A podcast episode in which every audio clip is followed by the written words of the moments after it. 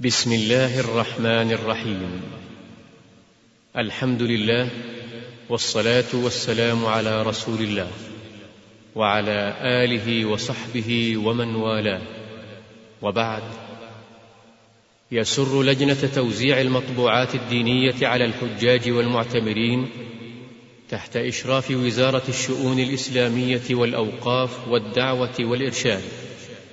بالمملكة العربية السعودية أن تقدم لكم هذا الإصدار. صفة الحج والعمرة. سيناريو وإعداد طلال ابن أحمد العقيل. ياسر بدر كريم. المراجع الشرعية. كتاب التحقيق والإيضاح لسماحة الشيخ عبد العزيز بن باز يرحمه الله. كتاب صفة العمرة. للشيخ العلامة محمد بن عثيمين يرحمه الله. الحمد لله رب العالمين وصلى الله وسلم على نبينا محمد وعلى آله وأصحابه ومن تبعهم بإحسان إلى يوم الدين. أما بعد فقد ثبت عن النبي صلى الله عليه وعلى آله وسلم أنه قال بني الإسلام على خمس شهادة أن لا إله إلا الله وأن محمدا رسول الله وإقام الصلاة وإيتاء الزكاة وصوم رمضان وحج بيت الله الحرام. فالحج ركن من أركان الإسلام. لا يتم إسلام شخص استطاع إلى البيت سبيلا حتى يحج. لكن من نعمة الله أن الحج ليس بواجب في العمر إلا مرة واحدة لأن النبي صلى الله عليه وعلى آله وسلم لما ذكر أن الله فرض الحج قال رجل يا رسول الله أفي كل عام؟ قال الحج مرة فما زاد فهو تطوع. فأقول قبل كل شيء يجب أن يخلص نيته لله عز وجل بأن لا ينوي بحجه رياء ولا سمعة لأن الله قال في الحديث القدسي أنا أغنى الشركاء عن الشرك من عمل عملا أشرك فيه معي غيري تركته وشركه. ثانيا أن يتبع في ذلك رسول الله صلى الله عليه وعلى آله وسلم. ومن ثم نوصي إخواننا الذين يريدون الحج أن لا يشرعوا في السفر إلى الحج حتى يكونوا قد تعلموا كيف كان النبي صلى الله عليه وسلم يحج حتى يتأسوا به في أقواله وأفعاله ليكونوا قد عبدوا الله على بصيرة وليمتثلوا أمر النبي صلى الله عليه وعلى آله وسلم في قوله خذوا عني مناسككم. وإذ بوأنا لإبراهيم مكان البيت ألا تشرك بي شيئا وطهر بيتي للطائفين والقائمين والركع السجود وأذن في الناس بالحج يأتوك رجالا وعلى كل ضامر وعلى كل ضامر يأتين من كل فج عميق. مكة المكرمة فيها بيت الله العتيق مهوى أفئدة المسلمين أينما كانوا في أنحاء المعمورة.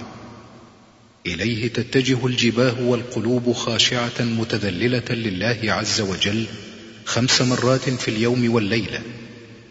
يأتي إليه المسلمون من كل فج عميق ليؤدوا مناسكهم وليطوفوا حول الكعبة المشرفة مذ بناها خليل الله إبراهيم عليه السلام امتثالا لأمر ربه ولكي يلبوا نداء الله بالحج إلى هذا البيت ولتكون الكعبة هي أول بيت وضع للناس ليعبدوا الله فيه على هدي وبصيرة وبعقيدة خالية من المعتقدات الباطلة والمفاهيم الخاطئة.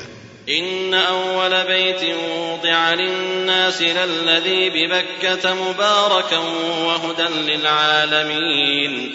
فيه آيات بينات مقام إبراهيم. ومن دخله كان آمنا. ولله على الناس حج البيت من استطاع إليه سبيلا ومن كفر فإن الله غني عن العالمين. وحين أراد الله لشمس الإسلام أن تشرق بعث خاتم أنبيائه محمدا صلى الله عليه وسلم بدين الحق ليظهره على الدين كله وليبين للناس ما وقعوا فيه من جهل وضلال وليوضح لهم حقيقة عبادة الله التي خلق سبحانه وتعالى الإنس والجن لأجلها.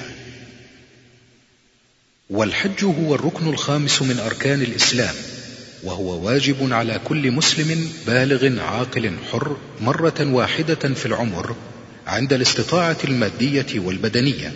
الحج أشهر معلومات فمن فرض فيهن الحج فلا رفث ولا فسوق ولا جدال في الحج. وما تفعلوا من خير يعلمه الله. وتزودوا فإن خير الزاد التقوى. واتقون يا أولي الألباب. للحج ثلاثة أوجه تعرف بالأنساك ولكل نسك صفة وواجبات يجب الإتيان بها حتى يكون الحج صحيحا. وهذه الأنساك الثلاثة هي التمتع والقران والإفراد. وأفضلها هو التمتع لمن لم يسق الهدي وهو النسك الذي أمر به رسول الهدى محمد صلى الله عليه وسلم أصحابه. فأما التمتع فهو أن يحرم بالعمرة في أشهر الحج ويتحلل منها بطواف وسعي وتقصير ويحل الحل كله. فإذا كان يوم الثامن من ذي الحجة أحرم بالحج من مكانه الذي هو فيه وخرج إلى المشاعر وأتم الحج. وعليه الهدي فإن لم يجد فصيام ثلاثة أيام في الحج وسبعة إذا رجع إلى أهله. وأما القران فهو أن يحرم بالعمرة والحج جميعا. فيقول لبيك عمرة وحجة إذا وصل إلى مكة طاف طواف القدوم وسعى للحج والعمرة وبقي على إحرامه لا يتحلل ثم يخرج إلى المشاعر في اليوم الثامن ويتم بقية النسك المكون من نسكين عمرة وحج إلا أنه لا يسعى لأنه سعى بعد طواف القدوم. وعليه هدي فإن لم يجد فصيام ثلاثة أيام في الحج وسبعة إذا رجع إلى أهله. وأما الإفراد فأن يحرم بالحج وحده. إذا وصل إلى الميقات قال لبيك حجا فإذا قدم مكة طاف وسعى وبقي على إحرامه إلى أن يتم النسك. وليس عليه هدي لأنه لم يجمع بين العمرة والحج. وأفضل هذه الأنساك التمتع. ثم القران ثم الإفراد وتبدأ أركان الحج عموما بالإحرام الذي يعني النية في دخول النسك. ويجب الإحرام من أحد المواقيت المعلومة التي حددها وبينها النبي صلى الله عليه وسلم للوافدين من مختلف الأرجاء إلى البيت الحرام قبل الوصول إليه. وهذه المواقيت هي ذو الحليفة وهو ميقات أهل المدينة. ويسمى اليوم أبيار علي. الجحفة وهي ميقات أهل الشام تقع بالقرب من مدينة رابغ والناس يحرمون اليوم من رابغ.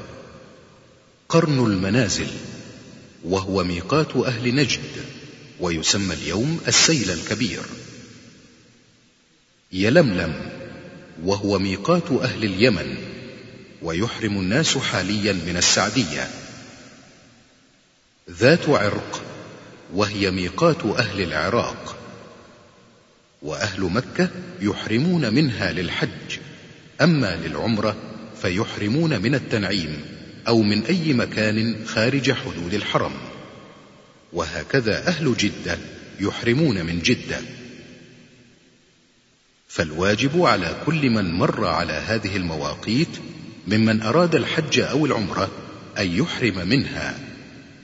ومن تجاوزها متعمدا دون أن يحرم يلزمه الرجوع إليها والإحرام منها. وإلا فعليه دم شاة يذبحها في مكة ويوزعها على فقرائها. فإذا وصلت أخي المسلم إلى الميقات برا بالسيارة ونحوها فاغتسل وتطيب إن تيسر لك ذلك. ثم البس ثياب الإحرام إزارا ورداء أبيضين نظيفين. والمرأة ليس لها لباس مسنون للإحرام بل تلبس ما يستر تفاصيل بدنها غير متبرجة بزينة. ثم انوي الإحرام بالعمرة قائلا لبيك عمرة. أما إذا كان قدومك بحرا أو عن طريق الجو فقد جرت العادة أن يعلن قائدو الطائرات وربان السفن للركاب عن قرب محاذاتهم للميقات ليستعد المعتمرون للبس إحرامهم. فإذا صاروا بمحاذاته أهلوا بالحج أو العمرة. لا شريك لك لبيك إن الحمد والنعمة لك والملك لا شريك لك. ولا بأس في هذه الحالة إذا خرج الحاج أو المعتمر من بيته في بلده بلباس الإحرام ومن ثم يشرع في التلبية إيذانا بدخوله في النسك عندما يعلم بمرور السفينة أو الطائرة بمحاذاة الميقات. ويجهر بالتلبية الرجال دون النساء. اللهم لبيك لبيك لا شريك لك لبيك إن الحمد والنعمة لك والملك لا شريك لك. وينبغي للحاج والمعتمر أن يكثر من التلبية في وقتها وهي في العمرة من الإحرام إلى أن يبتدأ بالطواف وفي الحج من الإحرام إلى أن يرمي جمرة العقبة صباح العيد. يقول لبيك اللهم لبيك لبيك لا شريك لك لبيك إن الحمد والنعمة لك والملك لا شريك لك. لبيك إن الحمد والنعمة لك والملك. وبعد إحرامك بالعمرة تكون بذلك أخي الحاج قد دخلت في النسك الذي يحرم عليك معه فعل أي من محظورات الإحرام. وهذه المحظورات هي إزالة شيء من الشعر أو الأظافر ولكن إن سقط منها شيء بدون قصد أو إن أخذ شيئا من شعره أو قلم أظافره ناسيا أو جاهلا الحكم فلا شيء عليه. ومن محظورات الإحرام التطيب في البدن أو الثوب ولا بأس بما بقي من أثر الطيب الذي فعله قبل إحرامه. التعرض للصيد البري بالقتل أو التنفير أو الإعانة عليه. ومن محظورات الإحرام قطع شجر الحرم ونباته الأخضر الذي نبت بغير فعل الإنسان وهذا للمحرم وغير المحرم. لا يلتقط اللقطة في البلد الحرام إلا لتعريفها. لا يخطب المحرم النساء ولا يعقد النكاح عليهن سواء لنفسه أو لغيره ولا يجامعهن ما دام محرما ولا يباشرهن بشهوة. يحرم على المرأة وقت الإحرام أن تلبس القفازين في يديها وأن تستر وجهها بالنقاب أو البرقع إلا إذا كانت بحضرة رجال أجانب فيجب عليها ستر وجهها بالخمار ونحوه كما لو لم تكن محرمة. ومن المحظورات تغطية الرأس بالإحرام وخلافه مما يلصق على الرأس. أما الاستظلال بالشمسية أو سقف السيارة أو حمل المتاع عليه فلا بأس فيه وإن غطى المحرم رأسه ناسيا أو جاهلا الحكم فيجب عليه إزالة الغطاء متى تذكر أو علم بالحكم ولا شيء عليه. ومن محظورات الإحرام أيضا لبس القميص أو المخيط بعامة على الجسم كله أو بعضه كالبرانس والسراويل والعمائم والخفين إلا إذا لم يجد إزارا فيلبس السراويل أو إذا لم يجد نعلين فيلبس الخفين ولا حرج في ذلك. ويجوز للمحرم لبس النعلين والخاتم ونظارة العين والساعة وسماعة الأذن والحزام والكمر الذي يحفظ فيه المال والأوراق. كما يجوز تغيير ثياب الإحرام وتنظيفها وغسل الرأس والبدن. وإن سقط مع ذلك شعر بدون قصد فلا شيء عليه كما لا شيء في الجرح يصيبه. وليس للإحرام صلاة مخصوصة كما يظن كثير من الناس. كما يجب على الحاج والمعتمر أن يلتزم بما أوجبه الله عليه من فرائض دينه كالصلاة في أوقاتها جماعة وتجنب ارتكاب الذنوب والمعاصي والرفث والفسوق كغيره من المسلمين.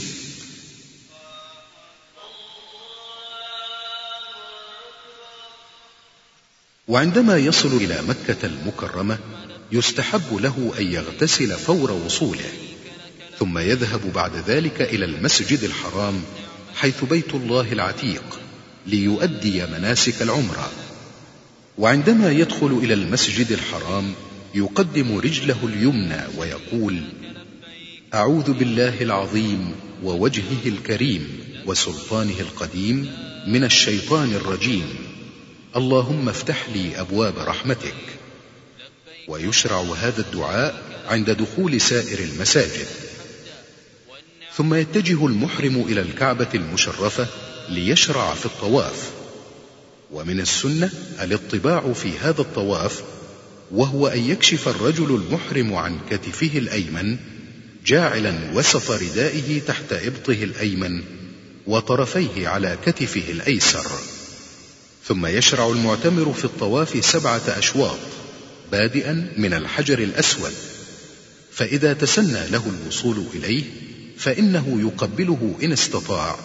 ولا يؤذي الناس بالمزاحمة والمدافعة ولا بالمشاتمة والمضاربة فإن ذلك خطأ لما فيه من أذية للمسلمين. ويكفي أن يشير إلى الحجر الأسود من بعيد قائلا الله أكبر. ثم يبدأ الحاج أو المعتمر طوافه ذاكرا ومستغفرا وداعيا الله بما شاء من الدعاء أو قراءة القرآن. دون أن يرفع صوته بأدعية مخصوصة كما يفعل البعض فإن ذلك يشوش على غيره من الطائفين. فإذا وصلت أخي الحاج إلى الركن اليماني فاستلمه بيدك إن تيسر لك ذلك ولا تقبله أو تتمسح به كما يفعل البعض مخالفين بذلك سنة النبي صلى الله عليه وسلم. وإن لم يتيسر لك استلام الركن اليماني فامضي دون أن تشير إليه أو تكبر. ومن السنة أن يقول الحاج بين الركن اليماني والحجر الأسود ربنا آتنا في الدنيا حسنة وفي الآخرة حسنة وقنا عذاب النار. وهكذا يكمل الحاج طوافه على مثل ما بدأه سبعة أشواط بادئا بالحجر الأسود مع كل شوط ومنتهيا إليه. كما يسن الرمل وهو الإسراع في المشي مع تقارب الخطى في الأشواط الثلاثة الأولى من طواف القدوم فقط. هناك أخطاء تصدر من بعض الحجاج والمعتمرين أثناء طوافهم بالكعبة منها الدخول في الحجر أثناء الطواف معتقدين أن هذا من الطواف والواقع أن الطواف من داخل الحجر يبطله لأنه بذلك قد أنقص من طوافه ويكون حينئذ قد طاف ببعض الكعبة. ومن المخالفات كذلك استلام جميع أركان الكعبة وربما جميع جدرانها والتمسح بها وباستارها وبابها وبمقام إبراهيم. فكل ذلك لا يجوز لأنها من البدع التي لا أصل لها في الشرع ولم يفعلها النبي صلى الله عليه وسلم. ولا يجوز رفع الصوت أثناء الطواف لأن في ذلك تشويشا على المسلمين. كما أن من الأخطاء التي تحدث في الطواف مزاحمة النساء الرجال خاصة عند الحجر الأسود وعند مقام إبراهيم فيجب الابتعاد عن ذلك. أما وقد انتهيت أخي المعتمر من الطواف فبادر بتغطية كتفك الأيمن. ومن السنة المؤكدة بعد الانتهاء من الطواف صلاة ركعتين خلف مقام إبراهيم إن تيسر لك ذلك. وإلا فصل الركعتين في أي مكان من المسجد الحرام. تقرأ في الأولى بعد الفاتحة قل يا أيها الكافرون وتقرأ في الثانية بعد الفاتحة قل هو الله أحد. وإن قرأت بغيرهما فلا بأس في ذلك. ثم اخرج إلى الصفا للسعي سبعة أشواط. فإذا دنوت من الصفا فابدأ بما بدأ به الله عز وجل قائلا إن الصفا والمروة من شعائر الله فمن حج البيت أو اعتمر فلا جناح عليه أن يطوف بهما ومن تطوع خيرا فإن الله شاكر عليم. ثم اصعد الصفا واستقبل الكعبة واحمد الله تعالى وكبره ثلاثا وادعو وكرر الدعاء. لا إله إلا الله وحده لا شريك له له الملك وله الحمد. وهو على كل شيء قدير. لا إله إلا الله وحده أنجز وعده ونصر عبده وهزم الأحزاب وحده. ويكرر هذا الذكر ثلاثا ويدعو بين ذلك بما شاء. وإن اقتصر على أقل من ذلك فلا حرج. ولا يرفع يديه إلا إذا كان داعيا ولا يشير بهما عند التكبير. فإن ذلك من الأخطاء الشائعة عند كثير من الحجاج والمعتمرين. ثم ينزل المحرم من الصفا متجها إلى المروة ماشيا يدعو بما يتيسر له من الدعاء لنفسه وأهله وللمسلمين. فإذا بلغ العلم الأخضر ركض ركضا شديدا وذلك للرجال دون النساء إلى أن يبلغ العلم الثاني فيمشي كعادته حتى يصل إلى المروة. وعندما تصل أخي المعتمر إلى المروة فاستقبل الكعبة وقل ما قلته من الذكر عند صعود الصفا وادعو بما شئت. ثم انزل وامشي حتى تصل إلى العلم الأخضر فاركض حتى تصل إلى العلم الثاني. ثم أكمل مشيك كالمعتاد إلى أن ترقى الصفا. وهكذا تكمل سعيك على هذه الصفة سبعة أشواط فيكون ذهابك من الصفا إلى المروة شوطا ورجوعك من المروة إلى الصفا شوطا آخر. ولا حرج عليك إذا بدأت السعي ماشيا ثم شعرت بالإرهاق أو ألم بك عارض صحي لا قدر الله أن تكمل سعيك راكبا العربة. ويجوز للمرأة الحائض والنفساء أداء السعي دون الطواف لأن المسعى ليس من المسجد الحرام. ومن الأخطاء إسراع النساء أثناء السعي بين العلمين الأخضرين. بعد إتمام السعي يقصر المحرم شعر رأسه إن كان متمتعا ولا بد من تعميم جميع الرأس في التقصير. والمرأة تقصر من شعرها قدر أنملة وهي رأس الإصبع. وبهذا يكون الحاج المتمتع قد أتم عمرته ومن ثم يحل له كل شيء حرم عليه بالإحرام. الثامن من ذي الحجة يوم التروية. في هذا اليوم المبارك يتجه الحجاج محرمين على اختلاف نسكهم متمتعين وقارنين ومفردين إلى صعيد منى اقتداء بالمصطفى صلى الله عليه وسلم الذي قال خذوا عني مناسككم. ويستحب التوجه إلى منى قبل الزوال أي قبل الظهر فيصلي بها الحجاج الظهر والعصر والمغرب والعشاء والفجر قصرا للصلاة الرباعية وبدون جمع ولا فرق في ذلك بين أهل مكة المكرمة وبين غيرهم. والسنة أن يبيت الحاج في منى يوم التروية. حتى إذا صلى فجر التاسع من ذي الحجة انتظر حتى تطلع الشمس فيسير إلى عرفات بهدوء وسكينة ملبيا ومكبرا. لبيك لا شريك لك لبيك. التاسع من ذي الحجة يوم عرفة. تتوافد جموع الحجيج إلى صعيد عرفات في هذا اليوم المشهود الذي وصفه رسول الهدى صلى الله عليه وسلم بأفضل الأيام. ويقف المسلمون في عرفات منذ طلوع الشمس حتى غروبها. ومن السنة أن ينزل الحاج بنمرة إن تيسر له ذلك وإلا فليتأكد من نزوله داخل حدود عرفة. وهناك الكثير من العلامات واللوحات الإرشادية التي تبين ذلك. وفي هذا اليوم العظيم احرص أخي الحاج على إشغال نفسك بالتلبية والذكر وأكثر من الاستغفار والتكبير والتهليل. واتجه إلى الله عز وجل خاشعا متضرعا. واجتهد في الدعاء لنفسك وأهلك وأولادك ولإخوانك المسلمين.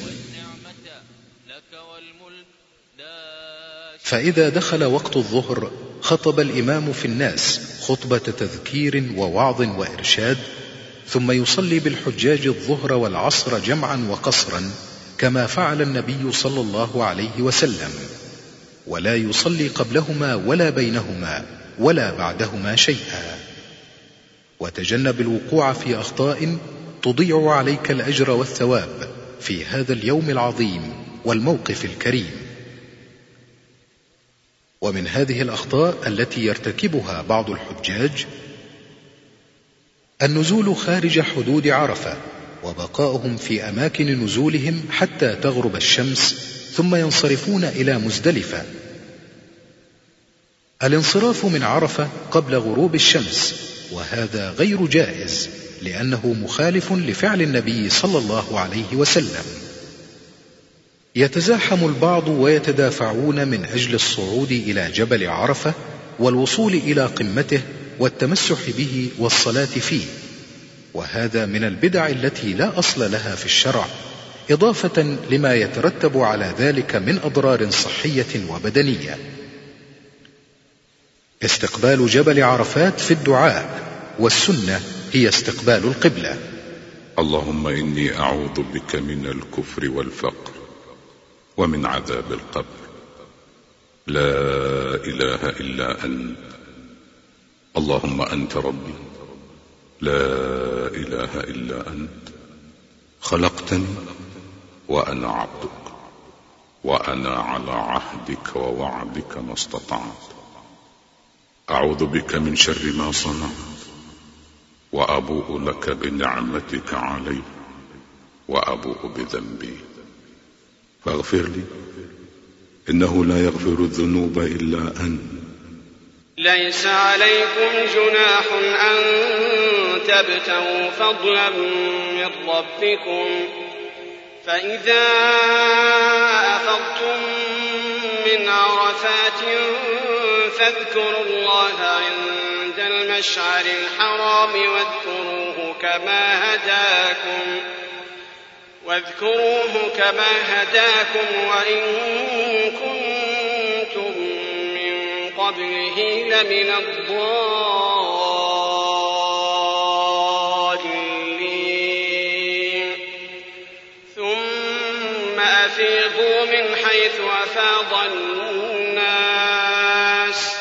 واستغفروا الله إن الله غفور رحيم.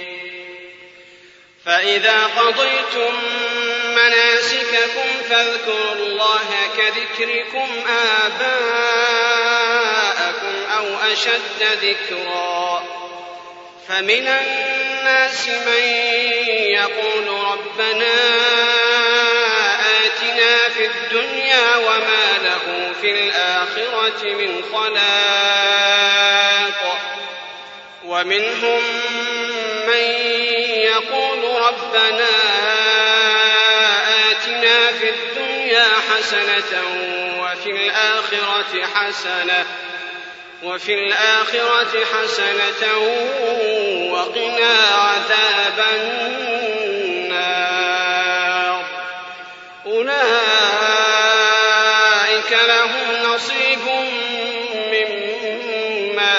كسبوا والله سريع الحساب. عند غروب شمس التاسع من ذي الحجة تسير قوافل الحجيج على بركة الله صوب المشعر الحرام المزدلفة. ليصلوا بها المغرب والعشاء جمعا وقصرا بأذان واحد وإقامتين فور وصولهم. وليبيتوا ليلتهم هناك ملبين ذاكرين شاكرين الله على فضله وإحسانه. أن كتب لهم شهود وقفة عرفات. وعند وصول الحجاج إلى مزدلفة يقع البعض في أخطاء ينبغي التنبيه إليها. ومن ذلك انصرافهم لالتقاط الحصى قبل أداء صلاتي المغرب والعشاء جمعا وقصرا والصلاة أولى. واعتقادهم أن حصى الجمار لا بد أن يلتقط من مزدلفة خطأ لا ينبغي الوقوع فيه.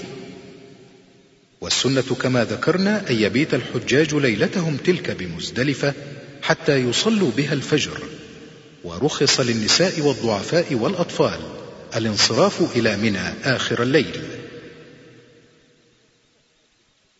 فإذا صلى الحاج الفجر يستحب له أن يقف عند المشعر الحرام وهو جبل في مزدلفة أو في أي مكان بمزدلفة ويستقبل القبلة ويكثر من ذكر الله والتكبير والدعاء بما يتيسر له ثم ينصرف إلى التقاط حصوات الرمي. سبع حصيات أكبر من حبة الحمص قليلا لرمي جمرة العقبة الكبرى والباقي يأخذه من منى. ومن ثم يتابع سيره على بركة الله قبل طلوع الشمس إلى منى ملبيا خاشعا مكثرا من ذكر الله. وعندما يصل الحاج إلى منى يبادر بالذهاب إلى جمرة العقبة الكبرى وهي القريبة من مكة. فإذا وصل إلى جمرة العقبة يتوقف عن التلبية ثم يرمي جمرة العقبة بسبع حصيات متعاقبات ويكبر مع كل حصاة. ثم يذبح الهدي إن كان عليه هدي ويأكل منه ويطعم الفقراء. ثم يحلق أو يقصر شعر رأسه والحلق أفضل والمرأة تقصر من شعرها قدر أنملة. وهذا الترتيب أفضل وإن قدم بعضها على بعض فلا حرج في ذلك. الله أكبر الله أكبر الله أكبر. لا إله إلا الله. الله أكبر الله أكبر الله أكبر. ولله الحمد. الله أكبر الله العاشر من ذي الحجة يوم النحر. يستقبل المسلمون في مشارق الأرض ومغاربها والحجاج على صعيد منى بوجه خاص يوم عيد الأضحى المبارك. فرحين ومستبشرين بما أنعم الله عليهم وناحرين أضحياتهم تقربا إلى الله. وسيجد الحجاج في مشروع المملكة العربية السعودية للإفادة من لحوم الهدي والأضاحي خير عون لهم على أداء هذا النسك. الله أكبر الله أكبر الله أكبر ولله الحمد. ويلاحظ عند رمي الجمرات وقوع بعض الحجاج في أخطاء نذكر منها اعتقاد البعض أنهم يرمون الشياطين فهم يرمونها بغيظ مصحوبا بسب لهذه الشياطين وما شرع رمي الجمرات إلا لإقامة ذكر الله. رمي الجمرات بحصى كبيرة أو بالأحذية أو الأخشاب وهذا غلو في الدين نهى عنه المصطفى صلى الله عليه وسلم. وإنما المشروع رميها بالحصى الصغير المماثل في حجمه حبة الحمص. التزاحم والتقاتل عند الجمرات من أجل الرمي خطأ جسيم والواجب على الحاج الرفق بإخوانه وتحري الرمي في المكان الصحيح داخل الحوض سواء أصابت العمود أم لم تصب رمي الحصى جميعا دفعة واحدة وفي هذه الحالة لا تحسب له إلا حصاة واحدة. والمشروع رمي الحصى واحدة تلو الأخرى والتكبير مع كل حصى. فإذا رمى الحاج جمرة العقبة وحلق أو قصر فقد تم له التحلل الأول وبإمكانه حينئذ أن يلبس ثيابه وتحل له كل محظورات الإحرام. إلا النساء. طواف الإفاضة. ثم ينزل الحاج إلى مكة ليطوف طواف الإفاضة وهو ركن لا يتم الحج إلا به ويسعى بعده إن كان متمتعا أو إذا لم يكن قد سعى من قبل مع طواف القدوم لمن كان قارنا أو مفردا فيلزمه السعي مع العلم بأنه يجوز تأخير طواف الإفاضة. إلى ما بعد أيام منى والنزول إلى مكة بعد الفراغ من رمي الجمرات. وبعد أن ينتهي الحاج من طواف الإفاضة في يوم النحر يباح له كل محظورات الإحرام حتى النساء. أيام التشريق. بعد طواف الإفاضة يوم النحر يرجع الحاج إلى منى للمبيت بها أيام التشريق الثلاثة ليلة الحادي عشر والثاني عشر والثالث عشر أو ليلتين لمن أراد التعجل مصداقا لقوله تعالى واذكروا الله في أيام معدودات فمن تعجل في يومين فلا إثم عليه ومن تأخر فلا إثم عليه لمن اتقى. واتقوا الله واعلموا أنكم إليه تحشرون. والواجب على الحاج رمي الجمرات الثلاثة بعد الزوال من الأيام التي يقضيها في منى ويكبر مع كل حصاد ومن السنة الوقوف بعد رمي الجمرة الصغرى والوسطى مستقبلا القبلة رافعا يديه. يدعو بما شاء. أما الجمرة الأولى وهي جمرة العقبة فلا يقف ولا يدعو بعدها. فمن أراد التعجل في يومين وجب عليه رمي الجمرات الثلاث في اليوم الثاني عشر بعد الزوال. ثم يخرج من منى قبل غروب الشمس. فإذا غربت عليه الشمس وهو في منى يلزمه البقاء للمبيت بها ليلة الثالث عشر والرمي في اليوم الثالث عشر. ما لم يكن قد تهيأ للتعجل فيمضي ولا يلزمه المبيت بمنى.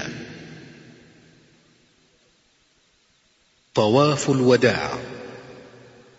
وتعرج بنا الرحلة مرة أخرى إلى مكة المكرمة للطواف حول البيت العتيق. وقد شارفت الرحلة على نهايتها بعد أن فرغت وفود الحجيج من أداء مناسكها بأركانها وواجباتها وفرائضها وليكون طواف الوداع آخر العهد بالبيت امتثالا لأمره صلى الله عليه وسلم الذي قال لا ينفرن أحدكم حتى يكون آخر عهده بالبيت وطواف الوداع هو آخر واجبات الحج التي يلزم الحاج أن يؤديها قبيل سفره مباشرة عائدا إلى بلده. ولا يعفى من طواف الوداع إلا الحائض والنفساء. الله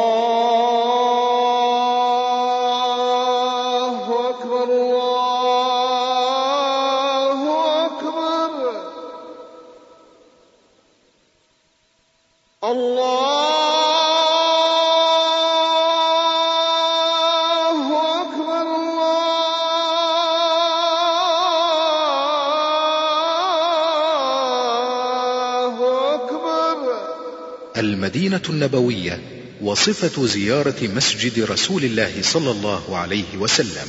أشهد أن لا إله إلا الله.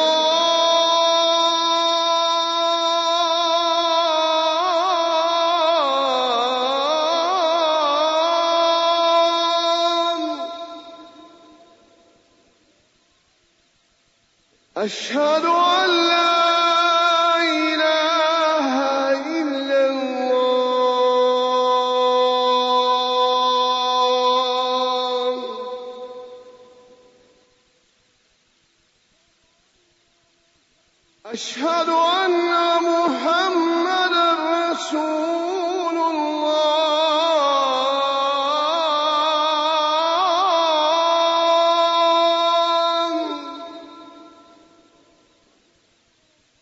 أشهد أن محمدا رسول الله.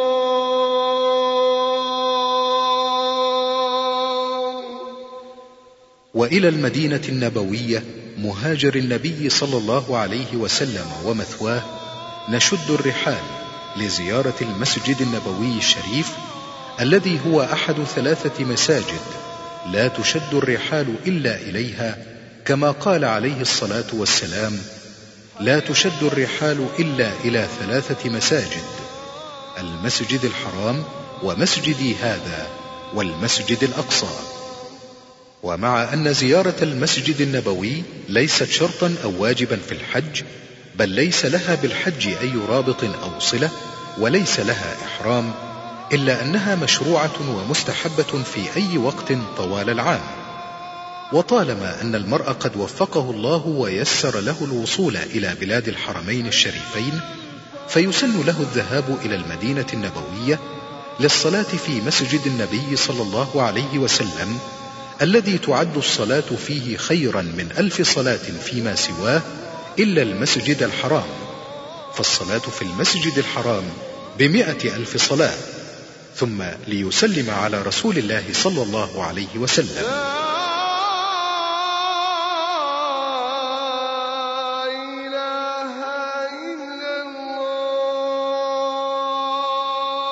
فإذا وصلت أخي الزائر إلى المسجد النبوي فقدم رجلك اليمنى في الدخول وسم الله تعالى وصل على نبيه صلى الله عليه وسلم واسأل الله تعالى أن يفتح لك أبواب رحمته وقل أعوذ بالله العظيم ووجهه الكريم وسلطانه القديم من الشيطان الرجيم.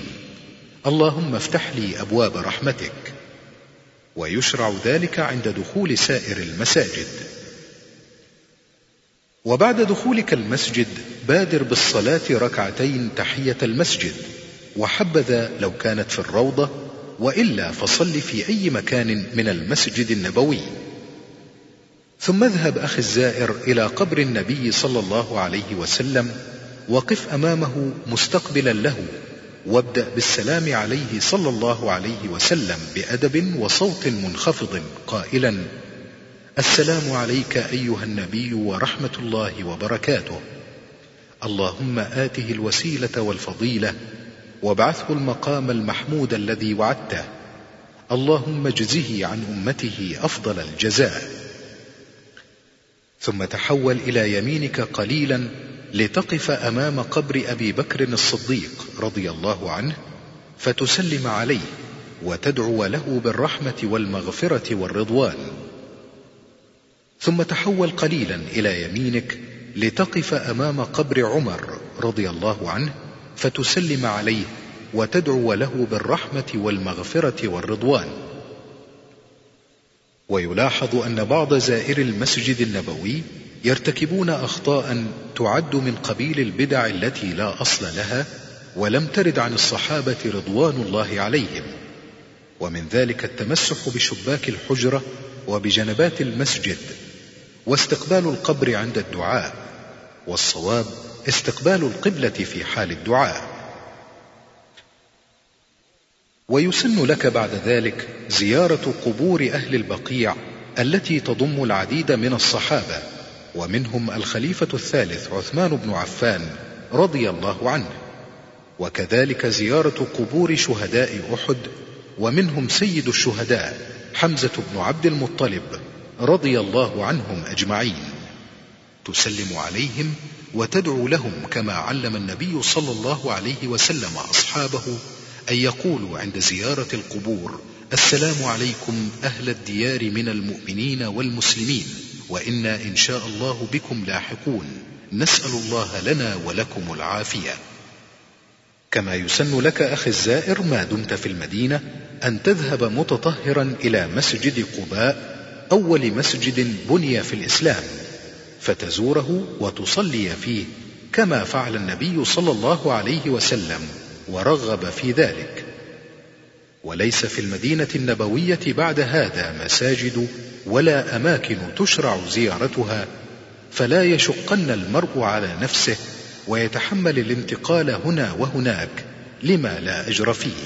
وينبغي للحاج والمعتمر إذا رجع إلى بلده فليتذكر ما أداه من شعائر الحج.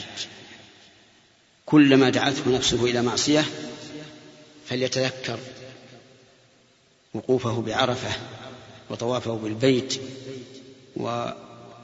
وإقامة ذكر الله عز وجل في أماكن الحج. فإن ذلك يعين على عصمته من الذنوب. أسأل الله تعالى الجميع حجا مبرورا وذنبا مغفورا وسعيا مشكورا. إنه على كل شيء قدير وصلى الله وسلم على نبينا محمد وعلى آله وصحبه أجمعين. مع تحيات إخوانكم في لجنة توزيع المطبوعات الدينية على الحجاج والمعتمرين تحت إشراف وزارة الشؤون الإسلامية والأوقاف والدعوة والإرشاد بالمملكة العربية السعودية. جدة هاتف ستة ثلاثة تسعة واحد ثمانية صفر صفر. ستة تسعة سبعة واحد ثمانية ثمانية صفر. فاكس ستة تسعة ثمانية ستة ثلاثة خمسة خمسة. صندوق البريد ثمانية عشر ألفا وأربعمائة وخمسة وخمسون. الرمز البريدي واحد وعشرون ألفا وأربعمائة وخمسة عشر. والسلام عليكم ورحمة الله وبركاته. تم تنزيل هذه المادة من موقع نداء الإسلام www.islam-call.com